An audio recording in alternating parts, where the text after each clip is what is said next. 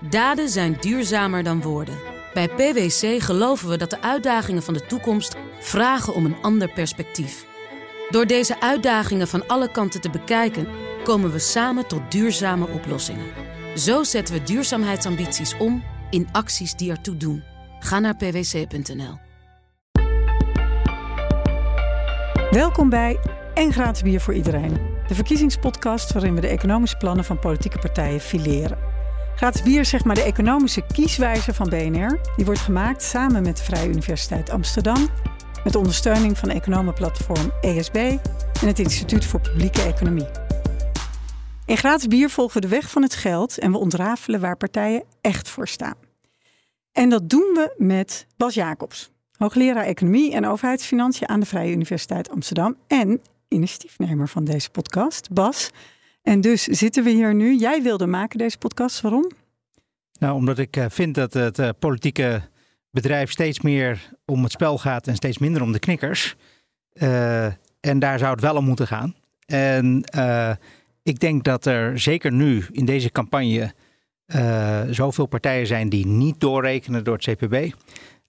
dat er wel wat ruimte is om analyses te maken om te zorgen dat kiezers wel weten waarop ze stemmen. Jij leest die dingen voor je plezier, zo'n uh, verkiezingsprogramma, rekenmachine en een Excelletje erbij. Maakt het voor jou dan uit van welke partij uh, het programma is? Nee, dat maakt helemaal niks uit. Ik vind het wel fijn als ze helder zijn over wat ze willen. En dat het, dat het verkiezingsprogramma geen, geen cryptogram is. Nog even over en gratis bier voor iedereen. Waarom, waarom deze naam? Nou, dat komt uh, terug van Milton Friedman.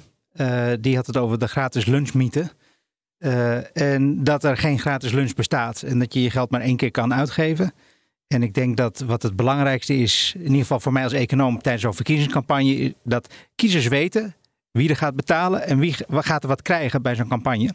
En de plannen die partijen daar lanceren. Dus ja.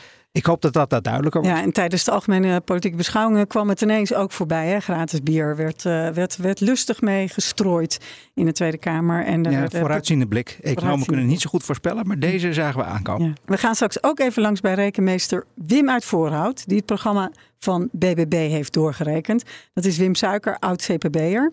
Maar hier in de studio duiken we nu in de toeslagen en inkomenspolitiek. Dat is het thema van vandaag. Daarover spreken we met Jasper H. van Dijk van het Instituut voor Publieke Economie. Ja, jij lacht al H. van Dijk, want er is ook een... Jasper J. van Dijk. Bij hetzelfde instituut. Ja, dus de helft van de denktank bestaat uit Jasper van Dijk. Dat is erg onhandig. ja. Jullie hebben ook, jullie zijn in de toeslagen gedoken. Jullie hebben zelfs een eigen voorstel ook gedaan. Uh, jij hebt ook op een rijtje gezet van wat, wat, doen de partijen nou allemaal. Dus daar gaan we het zo meteen uh, met jou over hebben.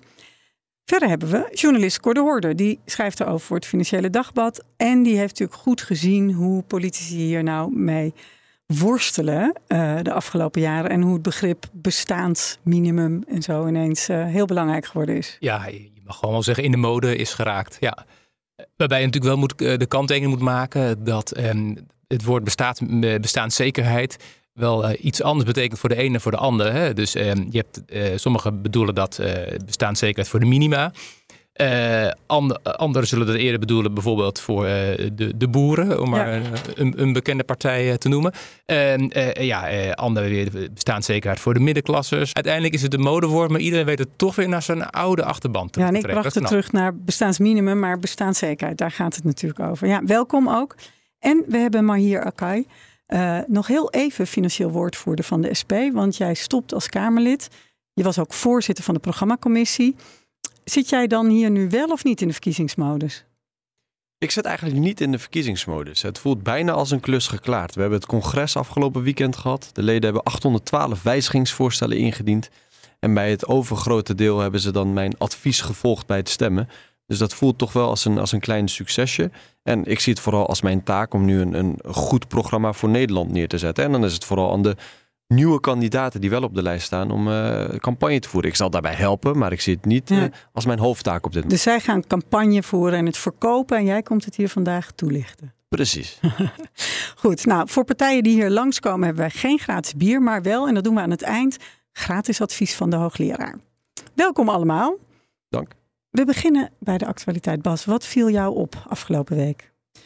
Het minimumloon staat weer in het brandpunt van de politieke discussie. En wat me daarbij opvalt is dat het CPB enige tijd geleden een document heeft gemaakt waarin ze heeft opgeschreven dat de werkgelegenheidseffecten heel beperkt zijn. Als je dat verhoogt, dan worden de loonkosten hoger en dan zullen bedrijven typisch minder mensen in dienst nemen. Maar de schattingen in economische literatuur zijn daar behoorlijk over naar beneden bijgesteld. Dus, dus dat valt wel mee. Wat, wat, wat bedrijven altijd zeggen van ja, maar dat kan niet, want dan gaan we iedereen ontslaan. Dat valt nou, wel mee. Maar er is wel heel veel controverse over in de literatuur. Dus je kan nog steeds ook hele goede studies vinden die hele negatieve effecten documenteren. Er is nogal wat spreiding in resultaten, laat ik het zo zeggen. En het interessante is dat omdat het CPB dit heeft gezegd, zie je nu ineens dat al die partijen dat in een verkiezingsprogramma zetten. En, uh, maar denk je dat dat komt omdat het CPB dat ja, heeft gezegd? En hetzelfde is met het armoedecijfer. Sinds het CPB armoedecijfers rapporteert bij de macro-economische verkenning of het Centraal Economisch Plan, die halfjaarlijkse uh, doorrekeningen voor de Nederlandse economie, zie je dat politici beleid gaan voeren op dat cijfer dat het CPB publiceert. Uh, de laatste begroting van Rutte was eigenlijk uitsluitend gericht op het wegpoetsen van een min op de, op de armoedecijfers. En dat gaat dan te ver, die invloed van het CPB op deze manier? Nou, ik vind het wel opvallend dat, dat kennelijk het CPB zo sturend is in de opvattingen van politieke partijen. Dat nu bijvoorbeeld zelfs CDA, uh, zelfs de VVD, zelfs de PVV, al die partijen gewoon allemaal minimumloonverhoging in een verkiezingsprogramma hebben gezet. En ik zie hier vooral knikkende gezichten. Jullie herkennen het allemaal. Ja, zeker. Uh, ik stond zelf voor de Socialistische Partij in 2017 voor het eerst op de kandidatenlijst. Toen hadden wij in ons verkiezingsprogramma dat het minimumloon 10% omhoog moest. Ja, niemand was het destijds met ons eens. Niet zo lang geleden. Want hè, de sommen van het CPB zeiden dat kan helemaal niet. Exact. Toen waren de modellen nog uh, iets anders. En nu het is aangepast, zie je dat opeens heel veel partijen het met ons eens zijn. Dat is eigenlijk alleen maar goed nieuws voor Nederland. Maar wel jammer dat het zo werkt. Ja, maar het omgekeerde zie je natuurlijk ook. Hè. Uh, uh, vroeger rekende het CPB ook door uh, wat, de, wat alle plannen betekenden voor de, de houdbaarheid van de overheidsfinanciën. Nou, een bekend voorbeeld is natuurlijk de AOW. Als je die gaat uh, verlagen, de leeftijd, uh, dat je op je zestigste met AOW gaat, dat is natuurlijk rampzalig voor de overheidsfinanciën in 2060, om maar iets te noemen. Ja. Ga je die verhogen, is dat juist goed. Dat doen ze nu niet meer. Dus nou, ik vermoed zo, uh, de doorrekening moet allemaal nog komen. Ik vermoed dat ze allemaal heel weinig gaan doen aan de, aan de houdbaarheid op lange termijn. Maar je krijgt geen beloning ervoor. Ik zie een heel thema voor een podcast. Maar vandaag gaan we het hebben over toeslagen en inkomenspolitiek met jullie allemaal. En laten we dan even beginnen bij het begin. Ik durf bijna niet te zeggen, want toeslagen, ja, natuurlijk willen we daar vanaf. Wie, wie, wie denkt daar nog anders over? Jasper van Dijk, wat is ook alweer het probleem? Ja, we hebben in Nederland echt een gigantisch complex systeem. En met toeslagen en ook in het belastingsysteem al heffingskortingen en algemene die, die afbouwen. En in dit hele complexe systeem zien we eigenlijk dat heel erg de huishoudens en de overheid um, en de politiek een beetje verstrikt raken. Um, bijvoorbeeld heel veel huishoudens zijn afhankelijk van toeslagen, lagere inkomens. Um, maar die toeslagen, ja, het is toch een soort grote bureaucratische machine. En wat je ook ziet, is dat ongeveer 10% van de mensen die recht heeft op een toeslag, hem niet aanvraagt. Omdat ze bang zijn voor een terugvordering. Ja, dus nou, dit zijn de mensen niet... die het hard nodig hebben. Ja. Dat is natuurlijk niet wat we willen. Punt 1. Het komt niet terecht op de plekken waar het moet zijn. Het kost de overheid heel veel tijd en geld. Ja? Omdat deze toeslagen, het is een grote bureaucratische machine. En daarnaast, omdat het zo complex is, politici doen, zien door de boom het bos ook niet helemaal meer. Ze weten niet meer precies welke regeling op welke knop welk effect heeft. Want alles grijpt in elkaar en is mega complex geworden. Ja, en het is uiteindelijk ook wel een beetje de politiek hun schuld. Uh, wat we in deze situatie zijn geraakt. Want elke keer um, willen politieke partijen vooral naar de koopkrachtplaatjes kijken. En, die vooral uh, bijstellen. En daardoor bouwen ze alsmaar weer een extra laag complexiteit in het systeem. En nu zijn we hier en nu is, is iedereen het erover eens dat het te ver is. God, ik hoorde jou even zeggen, voor mij hoeft het niet afgeschaft te worden, maar ik zie je nu de hele tijd knikken. Dus hier nou, ben ik, ik, ik, zie een, een aantal uh, van, de, van de stellingen, die kloppen natuurlijk wel, maar het is niet gezegd dat je die zonder toeslagen uh, anders zult zien. Want inderdaad, het, het zal altijd wel ingewikkeld blijven. Je ziet het ook in uh, omringende landen. Uh, daar is het niet per se eenvoudiger uh, of goedkoper of anderszins. Okay. En ook daar zie je heel veel uh, niet-gebruik van, uh, van extraatjes. Er is laatst nog een, een leuk stukje over in ESB, het bekende blad. wordt alle abonnee. Het economenplatform waar we ook mee samenwerken. Je hoeft niet eens abonnee meer te worden. Nee, het is gratis, gratis toegankelijk voor iedereen. Je niet. De vroeger was gratis bier voor Jij betaalt nog, ja. Hoe het zij. Um, de, maar de, wat de, stond daarin? Daar zie je dus ook, die hebben een aantal omringende landen bekeken. En ook daar zie je een, elk land heeft wel aanvullende regelingen. En worstelingen daarmee. En worstelingen daarmee. En ook een deel niet gebruik daarvan. Maar Dus- laten we dan even toch de doelstellingen vaststellen. Want anders gaat dat daar allemaal door elkaar lopen. Wat, wat, wat is het, welk doel streven we naar en waar moeten we dus... Nou, die toeslagen die kunnen iets doen wat het belastingssysteem in Nederland niet kan. Namelijk geld brengen naar huishoudens op basis van het huishoudinkomen. Omdat het belastingssysteem gebaseerd is op je individuele inkomen. Dat is één ding. En het belastingssysteem kan geen geld uitkeren. Als je een te laag belastbaar inkomen hebt, Want als je geen belasting betaalt... dan dan, kan eh, je, kan je wel kan je eh, net- potentieel heffingskortingen hebben. Ja. Maar dan, eh, als dat lager is dan de belasting die je, eh, hoger is dan de belasting die je moet betalen, kan je ze niet. allemaal opmaken. Dat heet met een jargonterm verzilveren. En dus heb je dan iets anders nodig om mensen met een laag inkomen te ondersteunen. Oké, dus dat is het doel. We willen aan die lage inkomens zorgen dat daar toch voldoende geld komt. Daar moet dus nu iets anders voor in de plek komen. Jasper, wat zijn, wat, er gebeurt van alles. We hebben het Ja. eindeloos over. Er zijn verkiezingsprogramma's. Wat zijn de mogelijke oplossingen? Ja, eigenlijk alle politieke partijen zijn het er wel over eens dat we, dat we het moeten versimpelen. Dat we er vanaf moeten, dat we naar een ander systeem moeten.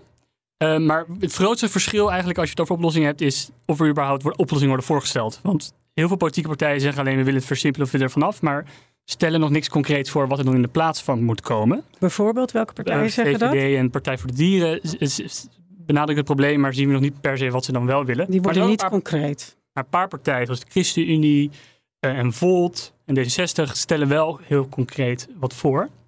En wat je, als je, ja, het is lastig als er zo weinig concreet is om dan politieke partijen te vergelijken. Maar wat je wel ziet, is dat bijvoorbeeld dat, dat linksere partijen, maar waar ook Volt en D60 onder vallen, die zeggen ook van ja, toeslagen zijn ook afhankelijk van waar je je geld aan uitgeeft. Dus bijvoorbeeld kinderopvang. En die zeggen, nou ja, als we kinderopvang gratis maken, dan is er al een versimpeling, want dan is er geen Ja, kinderopvangtoeslag meer nodig. komen we zo wel bij de nadelen. Hè? Want dat heeft natuurlijk ook nadelen. Ja, maar... en dat, en dat zie je ook bijvoorbeeld bij de zorg. Zeggen, eh, wat linkse partijen zeggen ook van ja, de zorgpremies. Als, ja, als de zorgkosten minder hoog worden, hebben we ook minder zorgtoeslag nodig. Dus daar, daar zie ik dan wel verschillen tussen politieke partijen. Maar voor de rest is het nog lastig, omdat er nog weinig concrete voorstellen in staan. Dus je zegt, een oplossingsrichting is om dingen gewoon goedkoper of gratis te maken. Bijvoorbeeld zorg en kinderopvang. Ja. Ehm, maar ik hoor ook de hele tijd dingen over basisinkomen en uitkeerbare heffingskortingen en zo. Ja, het zijn ook veel verschillende namen voor hetzelfde. Want ja, een basisinkomen is ook de vraag van geef je dat dan aan werkende en niet werkende of alleen aan werkende? Ja, en dan, en dan bijvoorbeeld Volt noemt het volgens mij een basisinkomen, maar dat gaat dan inderdaad over een huishoudtoeslagen. Ehm, maar dat, volgens mij geeft ze dat niet aan niet-werkende. Nou ja, dus, dus is het dan nog een basisinkomen? Want in ieder geval de discussie van vier jaar geleden ging volgens mij over aan iedereen dat geld geven. De essentie is dat we met de toeslagen geld brengen naar huishoudens met een laag inkomen. En de voorstellen die we nu zien passeren, is dat met name bij de ChristenUnie, D66, partijen die een vorm van basisinkomen voorstellen, dat direct te doen, maar dat dan onafhankelijk van de hoogte van het inkomen te maken. En daarmee bespaar je enorm natuurlijk op de uitvoering. En versimpel je het heel erg. Maar je gaat dan ook allemaal geld brengen naar mensen die dat helemaal niet nodig hebben. Ja. Bijvoorbeeld mensen met hoge inkomens, eh, mensen met veel vermogen, die krijgen dat dan ook. Dus gaat er of heel veel geld naar de, naar de, naar de hoge inkomensgroepen als je het aan de onderkant niet wil weghalen. Maar dan moet je de belasting heel erg verhogen en dat is slecht voor de economie. Of je gaat de, de belastingopbrengst verdelen over al die mensen. Maar dan zijn de mensen aan de onderkant typisch de peanut. En daarom zijn dit soort maatregelen meestal eh, Ja, slecht voor de een- economie of slecht voor de rechtvaardigheid of een combinatie van tweeën. En de andere soort oplossingen die we zien, die eh, proberen dus niet geld te geven aan mensen, maar dus diensten in de vorm van lagere kosten voor huur of lagere kosten voor kinderopvang. Zodanig dat je ze niet eerst geld hoeft te geven, omdat ze dat dan vervolgens kunnen uitgeven aan die zaken. Ja. Maar dat heeft weer zijn eigen ding, want dan gaat eigenlijk de overheid eh, eh, al die diensten voortbrengen om te zorgen dat mensen dat tegen een beneden de marktprijs kostprijs kunnen krijgen. En dat heeft allemaal economische gevolgen. Er zijn wel eerdere sommetjes gemaakt door het CPB, eh, waarin verschillende partijen eh, hun vereenvoudigingspakketten hebben laten doorrekenen. Overigens is dat niet hetzelfde als wat nu in het verkiezingsprogramma staat. Mhm. Maar daar weten we bijvoorbeeld uit dat op het moment is dat je die toeslagen eh, niet, of die uitkering, niet afhankelijk maakt van het inkomen, uh, niet uh, afhankelijk maakt van de gezinssamenstelling, maar vooral individueel richt, daar of veel meer ongelijkheid van krijgt of heel veel schade van je arbeidsmarkt. Extra. Het is kei moeilijk. We gaan even naar de SP. Hoe gaan jullie het doen? Maar nou, hier. Het allerbelangrijkste is dat je het eens wordt over de analyse van het probleem. En onze analyse is dat wij een economische ordening waarin zoveel mensen eigenlijk te weinig geld hebben om basisvoorzieningen zoals huur, zorg en kinderopvang te betalen, dat we dat uh, systeem uh, niet goed vinden. En dat we daardoor ook dat systeem willen. Maar je zegt dat is onze analyse. Volgens mij is dat de analyse van iedereen. Nou, als je op de een of andere manier dus met uh, toeslagen werkt, dan zeg je dus eigenlijk: wij accepteren dat de overheid. Uh, moet bijschieten, ook bij mensen met een baan, met een, met een uh, minimuminkomen, om dat soort zaken betaalbaar te houden. Wij zeggen, eigenlijk is dat een verantwoordelijkheid van de werkgevers. De inkomens zouden zo hoog moeten zijn dat je niet meer zou hoeven na hoeven denken als overheid over of mensen met een baan huur, zorg of kinderopvang. Dus daar maken jullie een principiële keuze. Wat, wat, wat, gaan jullie uiteindelijk precies doen? We hebben het vooral over zorg, huur en, wat, en kinderen. Hè? Dus kinder. Aan de ene kant is het dus om dat soort uh, diensten betaalbaarder zo niet gratis te maken. Dus hè, lees publiek bekostigen en via de uh, belastingen betalen. Aan de andere kant de inkomens flink verhogen. En ook de uitkeringen daaraan gekoppeld laten, zodat de uitkeringen meestijgen. Zullen we ze afpellen? Wat doe je bij de zorg?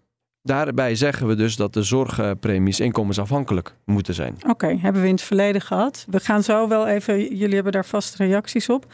Wat gebeurt er met de huurtoeslag? De huurtoeslag, die, daarvan zeggen we ook in ons programma, die schaffen we niet in één keer af. We proberen dat overbodig te maken. Door mensen dus de lonen te verhogen, de uitkeringen te verhogen. En aan de andere kant de huurprijzen te maximeren. Dus dat puntensysteem wat we nu al kennen, waarbij de huur niet afhankelijk is van wat de markt daarvoor over heeft, maar vanwege of wat afhankelijk is van de staat van de woning, dat willen wij doortrekken ook naar de vrije sector, waardoor de huren gemaximeerd blijven. En op die manier proberen we de huurtoeslag zoveel mogelijk overbodig te maken. Je zegt het is niet aan de overheid om geld te geven zodat mensen hun huur kunnen betalen, maar het is wel aan de overheid om in te grijpen op een markt. En te zeggen die prijzen moeten anders. Ja, eigenlijk zeg je dan daarmee de, de verhuurder die nu de vrijheid heeft om zelf een huur prijs te bepalen. Als mensen maar bereid zijn om dat te uh, uh, betalen. Dan moeten we in die willen. vrijheid grijpen wij dan in. Nou, dat oké. Klinkt goed links, ja. En, dat, en, en, en te verwachten dus. Even, wat gaat er dan met de, de kinderen of met de kinderopvangtoeslag gebeuren? En er, is ook nog, er zijn nog andere kortingen rondom kinderen. Dat zijn er dus twee. Dus kinderopvangtoeslag, daarvan is eigenlijk iedereen het al over eens dat kinderopvang uh, te gratis zou moeten zijn. Dus dan heb je dus ook niet meer met toeslagen te maken. Dat, dat is ook een enorme versimpeling.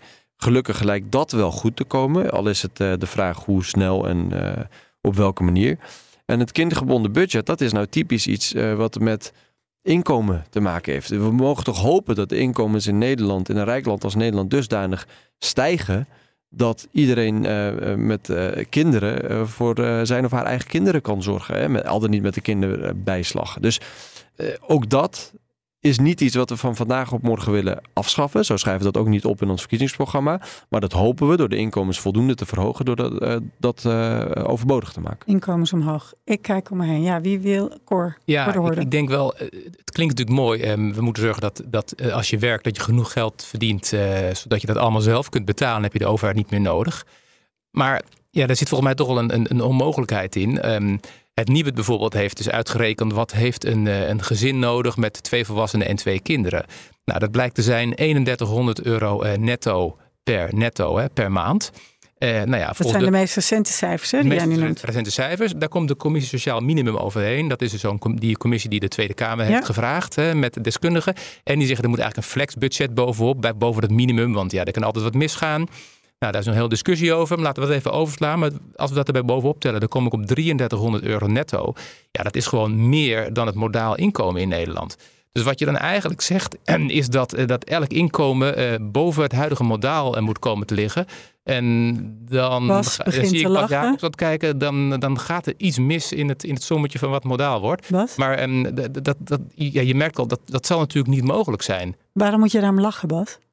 Het, het gaat erom dat als je mensen zo'n hoog bestaansminimum wil garanderen, moet je zoveel de belastingen verhogen. Dat de economie helemaal tot stilstand gaat komen. Krakend en piepert. Daar heb je zulke hoge belastingtarieven voor nodig. Dat, uh, dit is een massieve uh, uitbreiding van de okay. overheid. Dat dit kan je niet betalen op, zonder voor... de economie in, in, in, de, in de grindbak te duwen. Dat is even niet het cijfers dan. Dan even naar de SP. Want wat vinden jullie? Hè? Er gebeuren hier een aantal dingen. We gaan die inkomens verhogen. Nou, uh, de heren hier aan tafel zien niet voor zich of dat genoeg kan. We gaan uh, um, uh, zorginkomensafhankelijk maken. Wat, wat kunnen we daarover zeggen? Nou, ik zou zeggen, bij de, de zorgtoeslag inkomensafhankelijk zou ik denken van ja, dat is wel iets wat je zou kunnen versimpelen. En hierdoor versimpelen we het niet. Want ja, iedereen heeft zorg nodig, elk huishouden. Die heeft uitgaven aan de zorg. Dus als we... Uh, dat nee, hoor. De meeste mensen hebben helemaal geen zorg nodig. Het is gewoon een stuk sociale zekerheid. We geven wel, betalen allemaal zorgpremie. Dus we, we, kunnen het inderdaad via een, via een, ja, een basisinkomen van huishoudtoelage... kunnen we ook zo ja, huishoudens dat geld geven. En dan versimpelen we het stelsel wel. En dat lijkt mij wel een goede richting. Elk voordeel heeft zijn nadeel. ja, maar hier. Een deel van de zorgkosten betalen we nu via premies inderdaad. En een ander deel betaalt de werkgever. En dat deel wat de werkgever betaalt is nu afgetopt. Bij uit mijn hoofd, ik zeg anderhalf ton. Dus daarna stijgt dat deel niet meer mee. Dus alleen maar als je die aftopping al eraf haalt, dat het deel wat de werkgever uh, betaalt voor de topinkomens, als uh, dat mee zou zeggen, dan heb je het al inkomensafhankelijker gemaakt. Nou, dat betekent wel dus als je topinkomen hebt, dat je werkgever voor jou heel veel voor de zorg bij gaat betalen. Dus op die manier dus, uh, proberen wij het wel solidairder te maken, het systeem. En als we nu kijken naar het wettelijk minimumloon, ja, dat is ongeveer 2000 euro, 1900 euro per, per maand. Um, dus met z'n tweeën, als je twee keer een wettelijk minimumloon hebt, ja, dan zou je toch moeten zeggen dat dat genoeg moet zijn om rond te komen. Dat, het moet toch niet zo'n gekke gedachte zijn dat je dan op zijn minst huur, zorg en kinderopvang kunt betalen. Het is niet dus... raar dat je het heel graag wil in elk geval, maar ik zie wel hier dat het misschien heel moeilijk wordt, Bas. Ja, en de, er, zit, er zit een. Ik, ik snap de wens tot inkomensherverdeling en het zorgdragen voor een adequaat bestaansminimum. Ik, dat is een, een, een volkomen legitieme politieke opvatting. Ik uh, maak me wel wat zorgen over de manier waarop je dat dan gaat proberen te organiseren. Want als je in de markt allerlei prijzen gaat vastzetten, bijvoorbeeld op Huur, minimumloon, bijvoorbeeld op het huurniveau, ja. dan krijg je allerlei problemen in de economie daarvoor terug. Bijvoorbeeld de loonkosten voor mensen op het minimum gaan fors omhoog. En die zijn al de afgelopen uh, jaren gestegen en die gaan verder stijgen. De kans dat je die mensen probeert, uh, uh, die, dus... die, die je probeert te helpen, nu werkloos gaan worden, die neemt aanzienlijk toe. En dan zijn ze van de regen in de drup. Dus je moet dat wel combineren met flankerend beleid, want anders krijg je misschien ja, werkloosheid onder de kwetsbaren. Die woningmarkt met de Maximum huurprijs. Als we zien dat de huuropbrengst lager wordt dan de kosten van een nieuwe woning zullen niet veel verhuurders zin hebben om nieuwe woningen neer te zetten. En dan krijg je alleen maar enorme wachtlijsten. Dus ook daar zul je flankerend beleid moeten voeren. Nu weet ik dat de SP alle woningbouwcorporaties uh, op een of andere manier in de publieke sector wil trekken. En, en het vermogen op een of andere manier in handen wil geven van de, van de huurders. Maar je moet daar aanvullende maatregelen op nemen. Want anders kan je er vergif op innemen dat de woningnood alleen maar toeneemt. Maar hier ja, op zich niet verrassend, want je schuift dingen weg richting de markt en dan krijg je van economen zeggen, ja, dan ga je wel in die markt de boel een beetje goed in de war lopen trappen. En daar lopen wij ook niet voor weg. Hè? Kijk, die woningcorporaties zeggen wij van ja, dat moeten in onze ogen niet uh, marktpartijen zijn die winst willen maken, maar dat moeten een soort verenigingen weer worden. Woningbouwverenigingen waarin de huurders het voor het, voor het zeggen hebben. Dat, dat is volgens ons de manier om weer naar volkshuisvesting te gaan. En wij zeggen dus ook in ons verkiezingsprogramma niet dat wij een enorme stelselwijziging willen, zoals andere partijen dat zeggen, om het in één keer allemaal overbodig te maken. Wij zeggen door de inkomens te verhogen en dat soort publieke diensten, die wat ons betreft een basisrecht zijn, door dat uh, goedkoper te maken, willen we het stapsgewijs van, die van de, uh, dat toeslagenstelsel af. Want op, dit, op deze manier werkt het ook niet. Zometeen werpt Bas nog een bredere blik op het verkiezingsprogramma van de SP en deelt dus gratis advies uit. Maar we gaan eerst even naar Wim Suiker. Onder economen beter bekend als Wim uit Voorhout. Wim is oud-CPB'er en heeft een geweldige nieuwsbrief trouwens. En hij rekent dus partijprogramma's door van partijen die dat niet bij het CPB laten doen. Deze week het programma van de Boerburgerbeweging, BBB, van Caroline van der Plas. We vroegen Wim wat het meeste opviel in het verkiezingsprogramma.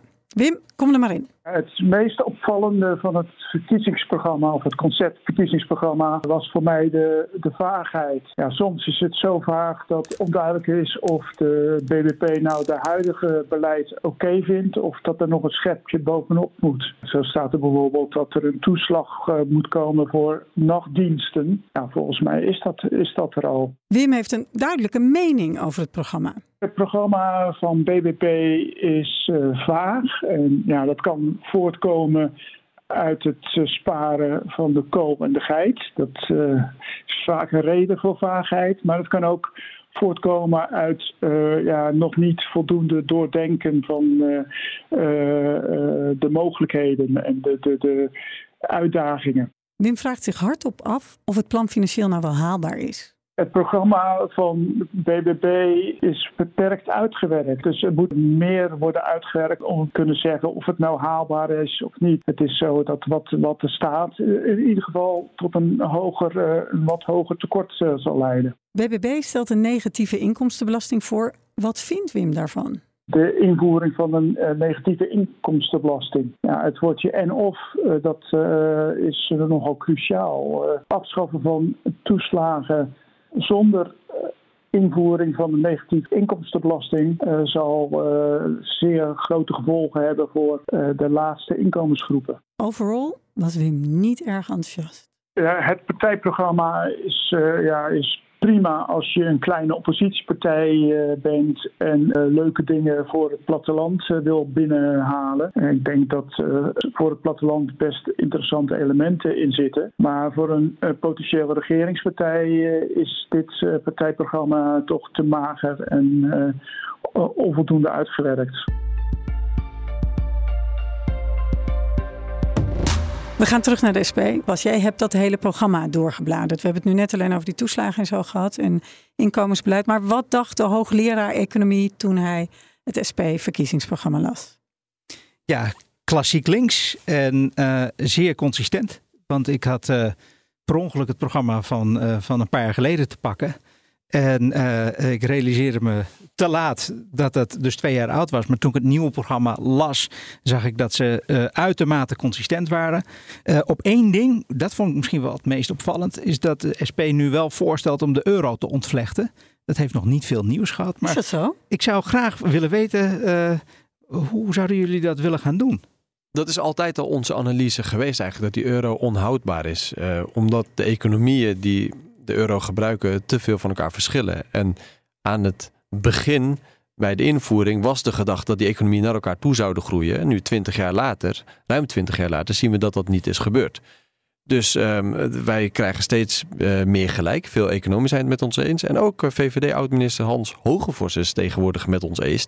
en uh, hoe we dat gaan doen, ja, dat is een kwestie natuurlijk van onderhandeling. Internationale onderhandelingen kun je natuurlijk van tevoren nooit echt uitstippelen. Maar het begint erbij dat Nederland, de Nederlandse regering, de nieuwe regering, dit wel op tafel gaat leggen bij de Europese Unie. Ik wil graag Barry Eigengreen, uh, beroemd econoom van de Universiteit van Berkeley, uh, aanhalen. Uh, het moment dat discussies over de euro ontvlechten serieus worden, stoppen die discussies en niet de euro.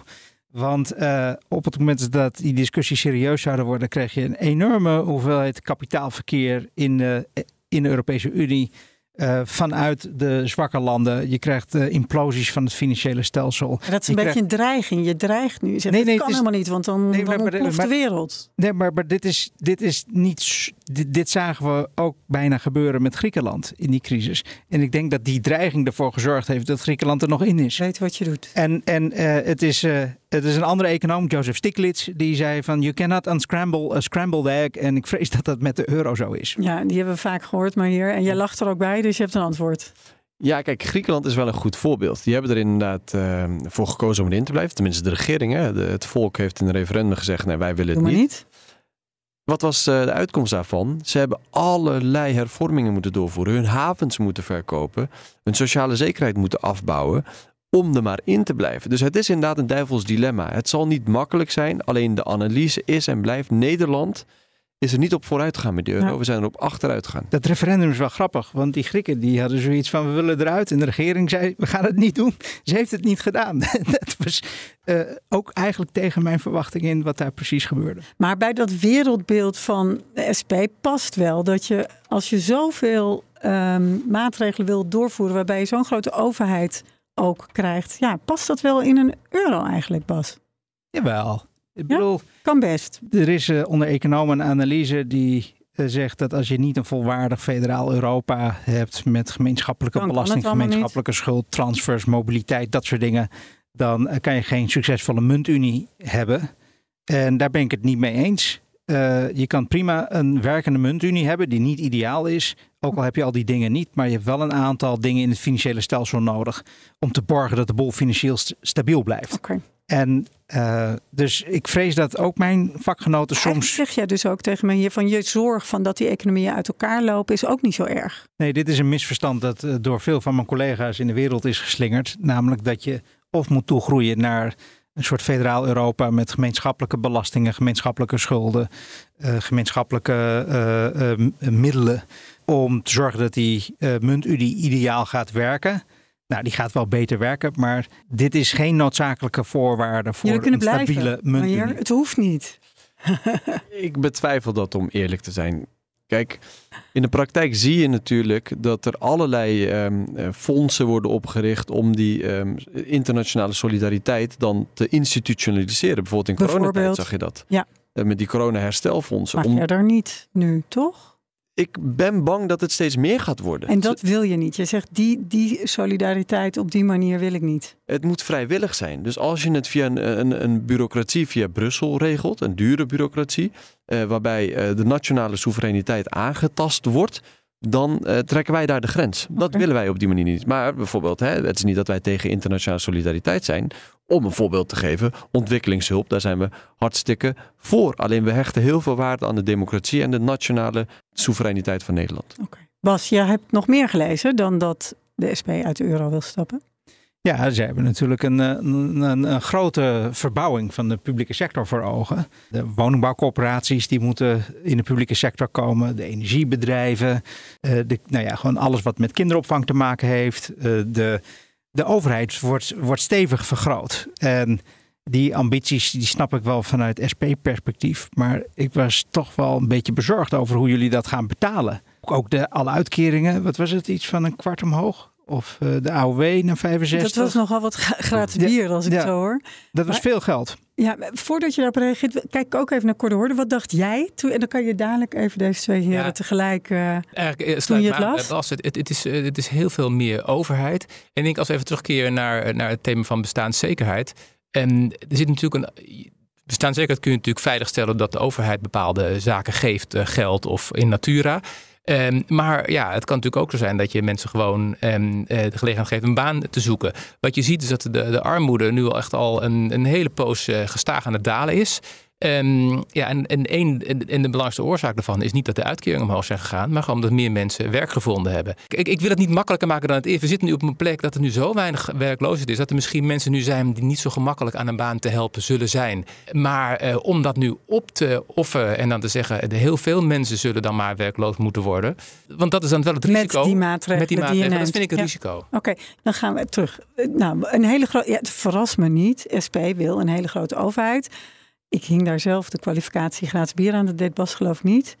daar, Ehm, daar hebben mensen ja, moeite mee. Eh, Laat ja. ik zeggen, eh, om mee te beginnen, het klopt. Eh, Bij ons zal de overheid groeien. Niet op alle punten. Hè. Bijvoorbeeld woningcorporaties. Daarvan zeggen we, dan moeten de huurders moeten aan de knoppen zitten. Er moeten een soort verenigingen worden. Dat betekent niet dat het bij de overheid komt. Maar het zijn ook geen marktpartijen maar meer. er Dat zal geld bij moeten dan, toch? samenleving. Dat hoeft niet per se. Nee? Nee, dan gaat het meer Maar om hoe- zeggenschap. Hoe, hoe kan dat dan? Dat als je die huren wil maximeren en het, de Waarom? huuropbrengst onder de maximale, eh, sorry, de huuropbrengst zo laag zal worden dat het niet uit kan om nieuwe Waarom woningen kunnen te bouwen. Hoe- wel hoe, uit? Hoe, hoe kunnen die en verenigingen dan uit? niet? Ja. Ja. Op een gegeven moment zul je ook, als het er niet uitkomt, moeten accepteren dat er geld bij moet. Ja. Alleen dat betekent Oké. niet dat de zeggenschap, dat het, een, dat het ambtenaren worden. En dat is natuurlijk wat je suggereert als je zegt alles moet bij de overheid. Dat je een enorm overheidsapparaat gaat, waarbij iedereen op de loonlijst staat van het ministerie van Het Financiën. hoeft niet allemaal ambtenaar te worden, maar er gaat flink wat geld naartoe. Nou ja, als je, het- als je zegt het is een publieke dienst en als je het ook zo inregelt en op een gegeven moment zie je bijvoorbeeld dat het niet uitkomt. Laat, neem het eh, openbaar voeren. In coronatijd gingen veel minder mensen met de trein en met de bus. Toen hebben we ook gezegd, ook al zijn op sommige plekken alle buslijnen tegenwoordig niet meer in overheidshanden, maar in handen van commerciële bedrijven, is er toch een beschikbaarheidsfonds opgericht. Dus is de beschikbaarheid toch gegarandeerd met publiek geld, omdat we het nou eenmaal niet willen zien gebeuren dat al die buslijnen verdwijnen. Dus het betekent helemaal niet dat als je iets eh, publiek organiseert, als je publieke verantwoordelijkheid neemt, dat het dan ook allemaal ambtenaren moeten zijn. Nee, maar er moet dan wel meer geld naartoe. Hoe groot kan die overheid worden? Dat is natuurlijk wel iets wat we ehm, in het verleden ook hebben gezien. Hè? We moeten niet doen alsof de SP hier hele radicale dingen voorstelt wat nog nooit is gebeurd. Neem energie bijvoorbeeld. Zeggen wij dat moeten we nationaliseren. Het is niet dat we tot nu toe alleen maar commerciële energiebedrijven in Nederland hebben gehad. Integendeel, die zijn vrij recent nog geprivatiseerd. Die waren altijd in publieke handen. Openbaar voer geldt hetzelfde voor. En heel veel van die privatiseringen, daarvan zeggen wij, die hebben helemaal niet opgeleverd wat ons destijds was beloofd. Ik dus bedoel, moet je weer als een verantwoordelijkheid Kijk, nemen. Je bent misschien iets jonger dan ik, maar ik heb die tijd meegemaakt van die, dat het allemaal nog eh, publieke eh, openbaar vervoerbedrijven waren. Nou, dat was verschrikkelijk. Die bussen die, die stonken uren in de wind. De- de- de- je- misschien Bas dat jij het nog kent. Dat, dat waren Nee, bijna Bas heel jong. waar- Ik waar vind dit een karikatuur. Nou, ik ben het niet met je eens. het- die, die streekbussen tegenwoordig zijn echt aanzienlijk beter dan, dan ze toen waren. Eh, eh, de meeste mensen bij die busbedrijven werkten op een groot hoofdkantoor en daar zaten ze eh, formulieren in te vullen. En dat is ben blij dat we daar vanaf zijn. Mag ik een aanvullend punt hierbij maken? Kijk, Ja, het en je mag hem wat mij betreft eventueel ook uit die, eh, ehm, eh, dat het weer overheidsdiensten moeten worden trekken. Want wat mij betreft gaan we ook even naar de breedte van, ja, hoe groot wordt die begroting onder de SP? En, en, en waar ga je die dekking dan vandaan halen? als je naar de kosten van alles eh, kijkt wat wij voorstellen in ons verkiezingsprogramma, dus voor de komende vier jaar, dan gaan de uitgaven ongeveer met 40 miljard omhoog. En de lasten die verhogen wij met ongeveer 30 miljard. En dat betekent dat je nog ongeveer 10 miljard eh, aan bezuinigingen nodig hebt. Maar wij zeggen ook, de staatsschuld is op dit moment ook heel laag. Dus binnen de komende vier jaar hoef je zeker niet te bezuinigen. Want die Europese norm van 60%, daar zitten we nog heel ver van af. Dus dan heb je het om en nabij dat eh, als je kijkt naar wat de overheid nu uitgeeft, dat het ongeveer met tussen de 10 en de 15 procent zou toenemen. Ja, Dat is, nou, eh, maar het is, ik, ik bedoel, het is heel goed dat, dat maar hier zo expliciet en helder hierover is. Hij legt gewoon uit, de overheid wordt fors groter. 40 miljard. Ik denk dat het, eh, eh, als ik het verkiezingsprogramma vergelijk met de vorige, dat is heel vergelijkbaar. En de doorrekening van het SP, dat misschien wel wat hoger is inmiddels. Maar ook die belastingverhoging, fors op het bedrijven, denk ik. Topinkomens, eh, allemaal dingen. en dan ook een fors hoger begrotingstekort. Dus wat de SP gaat doen, is een economie maken met veel meer publieke dienstverlening. Met veel hogere belastingen. Daardoor ook structureel wat minder werkgelegenheid, wat minder investeringen van bedrijven. En een hogere staatsschuld, waardoor een deel van de rekening bij toekomstige generaties terecht komt. Die laatste En dat kan de. SP voorstellen. Daar kan ze mee naar de kiezer toe. Als die dat interessant vindt, dan kan de, eh, de kiezer op de SP stemmen. Maar eh, daar wil ik wel een kanttekening bij maken. De belastingen gaan niet voor iedereen omhoog. In algemene zin gaan de belastingen in Nederland omhoog bij de SP. Alleen de werkgevers gaan dat vooral voelen. Ja. Wij zeggen tot aan modaal gaan mensen er zelfs op vooruit. Kijk, de vorige keer Ja, en wij Bas ook... zegt, maar dat leidt wel dus tot wat meer werkgelegenheid. En Bas voegt M- toe, minder werkgelegenheid, minder minder, werkgelegenheid investeringen. En op de lange termijn deel van de rekening doorschuiven naar toekomstige generaties. Wil je op die twee nog even reageren?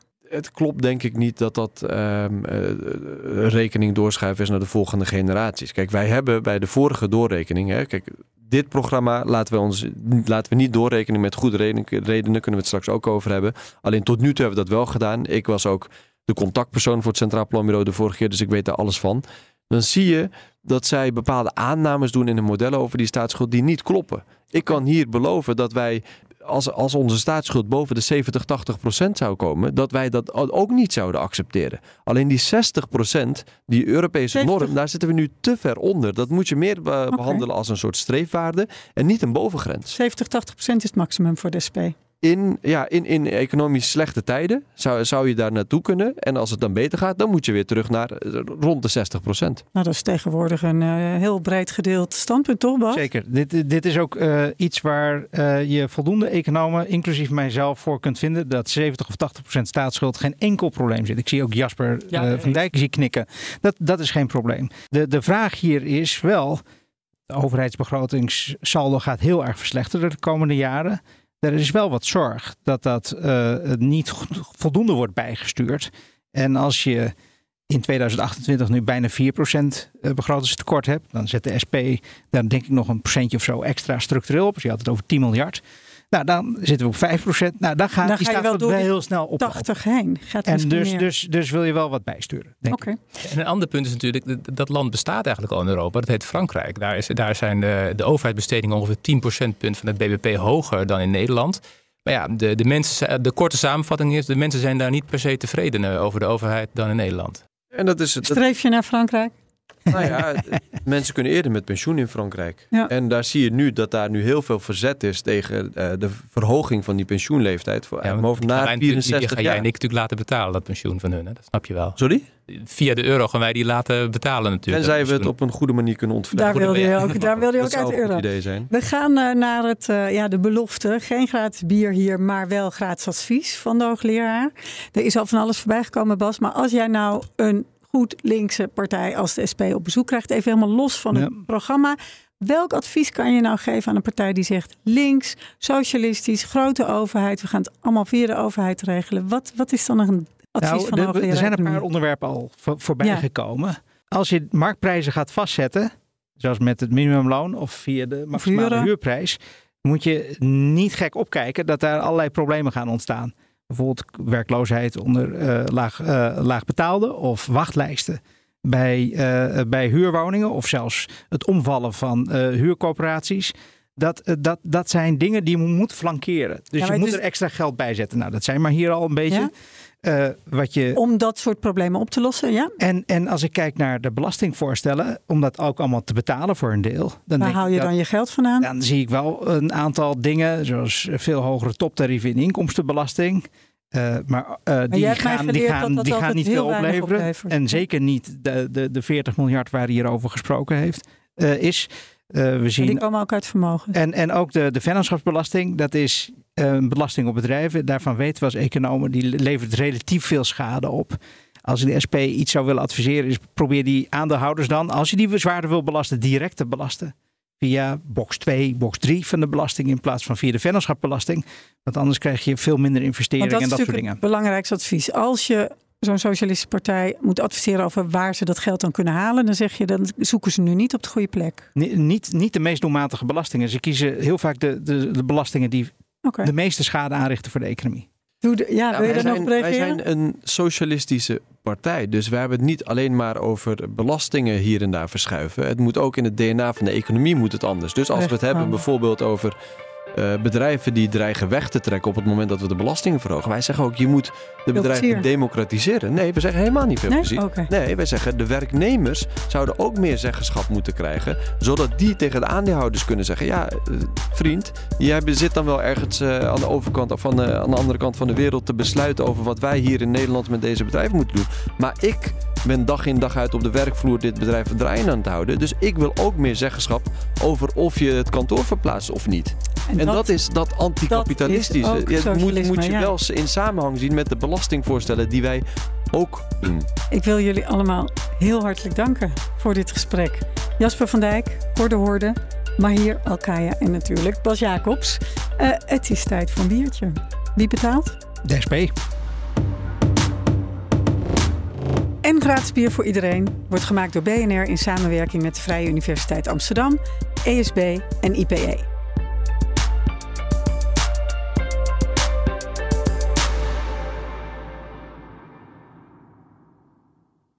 Daden zijn duurzamer dan woorden. Bij PwC geloven we dat de uitdagingen van de toekomst vragen om een ander perspectief.